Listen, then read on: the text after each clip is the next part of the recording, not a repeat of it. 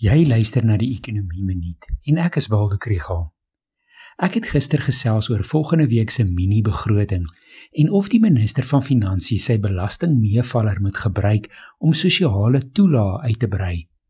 Om die COVID-19 toelaag vir werklose volwassenes permanent te maak of om 'n basiese inkomste toelaag in te stel, gaan meer geld vra as wat 'n 1 jaar oplewing in kommoditeitspryse kan oplewer.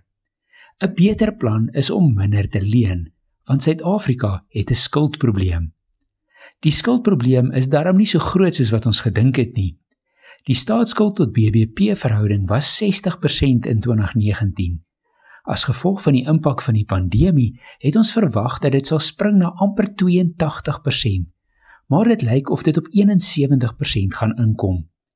Dit is te danke aan die belastingmeevaller en die hersiening van die BBP syfers. Maar mens moet in gedagte hou dat die staat in die 12 maande tot September 418 miljard rand geleen het. Dit is soveel soos al Eskom se skuld. Daarvan was 402 miljard in die binnelandse mark geleen. Dit beteken dat 37% van Suid-Afrika se spaargeld deur die regering geleen word. Selfs al is jy nie bekommerd oor daardie vlak van skuld nie, want in Japan is die skuld tot BBP verhouding 250% en in Amerika 128%, moet mens die rentekoers in gedagte hou. Die 10-jaar opbrengskoers op staatseffekte is 9,5% in Suid-Afrika en in Amerika -1%.